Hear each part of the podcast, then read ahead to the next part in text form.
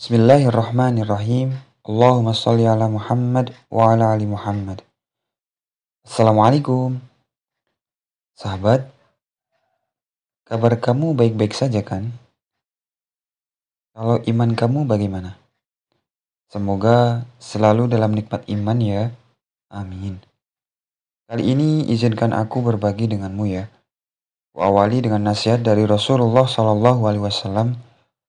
Beliau bersabda, Almar'u 'ala dini khalilihi falyandur ahadukum min man yukhalil. Agama seseorang sesuai dengan agama teman dekatnya. Hendaklah kalian melihat siapakah yang menjadi teman dekatnya. Hadis riwayat Abu Daud dan Tirmizi. Masya Allah, sebuah petunjuk besar bagi kita dalam berteman. Bahwa dalam mencari teman dekat itu berdasarkan pertimbangan agama. Mengapa? Berikut alasannya. Tauliah Nabi Muhammad SAW berdakwah dalam dua fase, yaitu fase Mekah selama 13 tahun dan fase Madinah selama 10 tahun. Di fase Mekah inilah Rasulullah mendapatkan tekanan fisik dan mental yang begitu besar, terutama dari pihak yang punya kekuatan finansial dan kekuasaan. Sebut saja Abu Jahal bin Hisham, Umayyah bin Khalaf, Abu Lahab, Utbah bin Rabi'ah, dan lain-lain. Tahukah kamu, di antara nama-nama tersebut ada dua yang belum kusebut, yaitu Uqbah bin Abi Mu'aid dan Ubay bin Khalaf. Mereka itu sahabatan, ibarat kata. Ke mana-mana selalu bareng. Mau bisnis, nyembah berhala, ataupun nongkrong, Bahkan mabuk pun bareng. Suatu ketika Uqbah akan mengadakan hajatan keluarganya. Dia undang segala pembesar Mekah dan koleganya. Dia pun merasa tak lengkap kalau Muhammad Al-Amin tidak diundang juga. Dia pun datang ke rumah Nabi Muhammad SAW. Sesampainya di rumah Nabi, dia menyampaikan maksudnya. Namun, Rasulullah menolak hadir dengan bersabda, Aku tidak akan memakan makananmu hingga engkau bersaksi bahwa tiada ilah yang berhak disembah selain Allah dan bahwasanya aku utusan Allah. Uqbah pun mau memeluk Islam dan Rasulullah SAW pun menghadiri undangannya. Setelah hajatan selesai, teman akrabnya si Ubay bin Khalaf marah kepada Uqbah. Engkau telah murtad wahai Uqbah. Uqbah menjawab, Aku merasa dilecehkan apabila jamuanku tidak dihadiri salah satu pemuka Quraisy. Muhammad menolak memakan jamuanku kecuali aku mengucapkan syahadat. Maka aku merasa malu dan aku pun bersyahadat hingga dia makan. Ubay menghasut Ubah. Aku tak rela hingga engkau kembali dan meludah wajahnya, menginjak lehernya dan mengejek dia.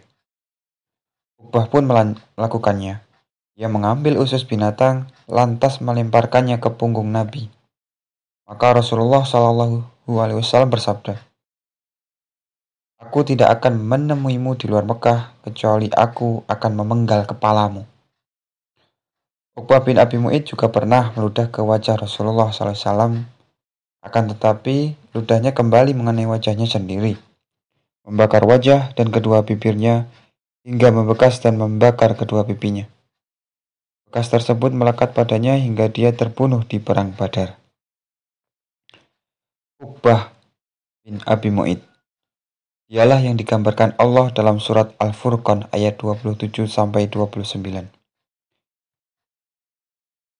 A'udzu billahi minasyaitonir rajim. Yawma ya'addu adh-dhalimu 'ala yadayhi yaqulu ya laitani ittakhadtu ma'ar rasuli sabila. يا ويلتى ليتني لم أتخذ فلانا خليلا لقد أضلني عن الذكر بعد إذ جاءني وكان الشيطان للإنسان خذولا Dan ingatlah ketika orang-orang zolim menggigit kedua tangannya seraya berkata, Aduhai, kiranya aku dulu mengambil jalan bersama Rasul. Kecelakaan besar bagiku Kiranya dulu aku tidak mengambil Fulan sebagai teman akrabku. Sesungguhnya dia telah menyesatkan aku dari Al-Quran sesudah Al-Quran itu datang kepadaku. Dan setan itu tidak mau menolong manusia. Sungguh mengerikan ketika berkawan dengan kawan yang buruk. Lama-kelamaan akan terbawa tabiatnya dan kemungkinan hidup berakhir buruk. Begitupun sebaliknya, berkawan dengan kawan yang menjalankan agama dengan baik akan membawamu ke akhir hidup yang indah, insya Allah. Sebagai penutup, pepatah Arab mengatakan, As-sahibu sahibun, imma ilal jannah wa imma ilan nar. Kawan itu dapat menarikmu, bisa menarikmu ke surga dan bisa menarikmu ke neraka. Maka, mari menjadi baik, menjadi baik bersama, wahai sahabatku.